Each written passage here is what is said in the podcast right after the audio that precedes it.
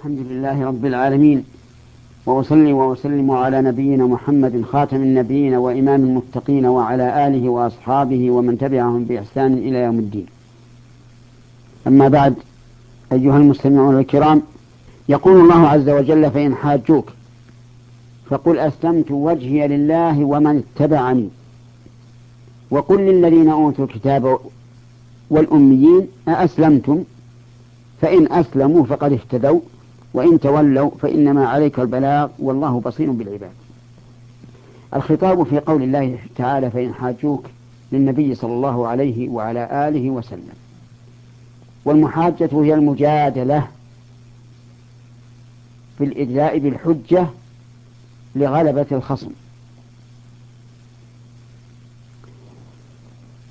أي إن حاجك هؤلاء المكذبون لك فقل أسلمت وجهي لله.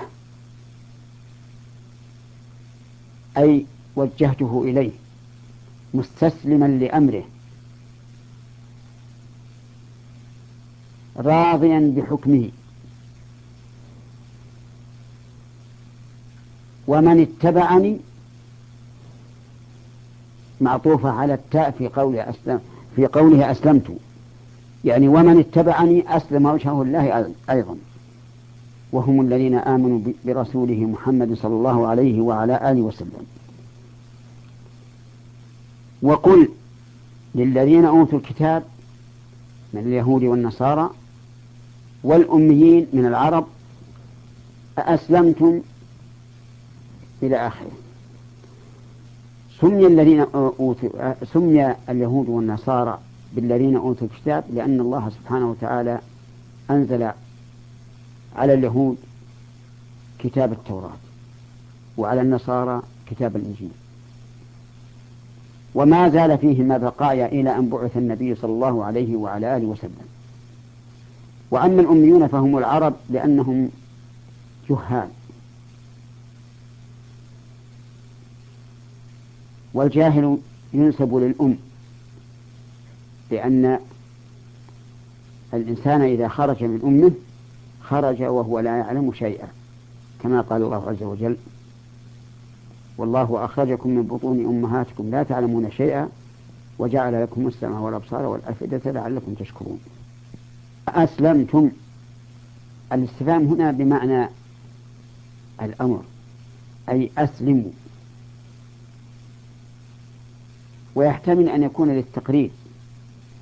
أي بعد هذا البيان تسلمون. فإن أسلموا أي الذين أوتوا الكتاب والأميون فقد اهتدوا. أي سلكوا طريق الهدى والرشاد. وإن تولوا فإن الضرر على أنفسهم. وليس على النبي صلى الله عليه وسلم من توليهم شيء. ولهذا قال فإنما عليك البلاغ. وقد أديته وليس عليك هداهم ولكن الله يهدي من يشاء. ولهذا ختم هذه الآية بقوله والله بصير بالعباد أي عليم بأحوالهم الظاهرة والباطنة. في هذه الآيات الآية من الأحكام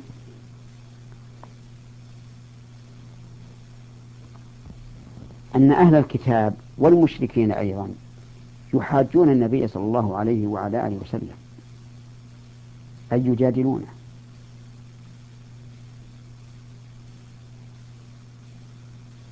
وأن هذا أمر كائن من أول الرسالة وسيستمر إلى آخرها ومن فوائدها أنه لا بأس بمجادلة المشركين وأهل الكتاب لكن بشرط أن يكون عند الإنسان علم بما عليه الخصم وعلم بما هو عليه أيضا من الحق. أما علمه بما عليه الخصم فلأجل أن يعرف معايبه ومن أين يأتيه وأما العلم بما عنده فليكون عنده حجة قوية يفتل بها الخصم. ومن فوائد الآية الكريمة إعلان الإخلاص أمام هؤلاء المحاجين. لقوله فقل أسلمت وجهي لله.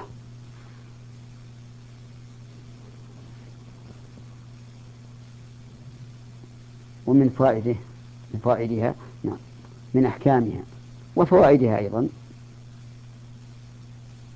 أن الأشر أن الوجه أشرف الأعضاء.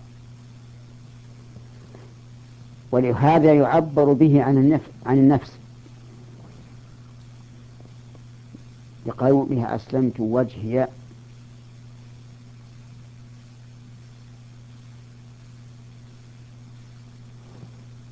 ومن أحكامها أن المتبعين للنبي صلى الله عليه وعلى آله وسلم مسلمون وجوههم لله كإمامهم عليه الصلاة والسلام. ومنها فضيلة اتباع النبي صلى الله عليه وعلى آله وسلم والتنويه بفضل متبعيه. ومن فوائدها أن يعرض طلب الإسلام على أهل الكتاب وعلى المشركين. وإن شئت فقل على أهل الكتاب وغيرهم ممن لا كتاب له. فيشمل المشرك والجاحد جحدا تاما كالشيوعيين وغيرهم.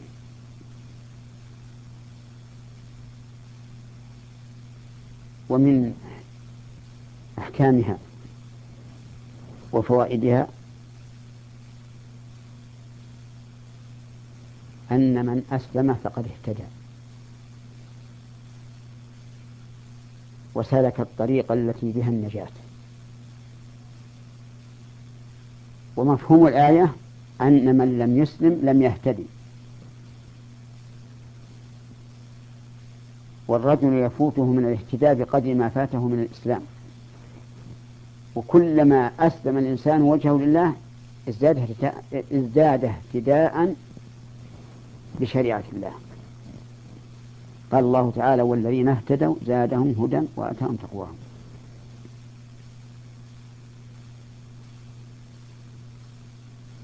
ومن فائدها أنه ليس على المسلم إلا البلاغ. فإن اهتدى المبلغ فهذا له وللمبلغ وإن لم يهتدي فعليه وللمبلغ. المبلغ إذا قام بالواجب برئت ذمته.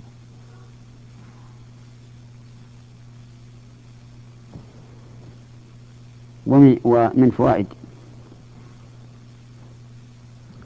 الآية وأحكام وأحكامها أنه لا بد للداعي إلى الله أن يبلغ بلاغا تاما. فيسلك كل طريق يكون سببا لهداية الخلق. ومن فوائد هذه الآية الكريمة أن الله تعالى بصير بعباده جل وعلا. فهو الذي جعل منهم الكافر والمؤمن والمطيع والعاصي والبر والفاجر. لأن لأن حالهم لا تستقيم إلا بهذا. فلولا الكفر لم يعرف الإيمان. ولولا المعصية ما عرفت الطاعة. ولولا هذا الاختلاف لم يكن هناك أمر بالمعروف ولا نهي عن منكر ولولا هذا الاختلاف لم يكن هناك جهاد في سبيل الله. ولهذا قال الله تعالى والله بصير بالعباد فله جل وعلا الحكمة في اهتداء المهتدي واستكبار المعتدي. وإلى حلقة قادمة إن شاء الله تعالى. والسلام عليكم ورحمة الله وبركاته.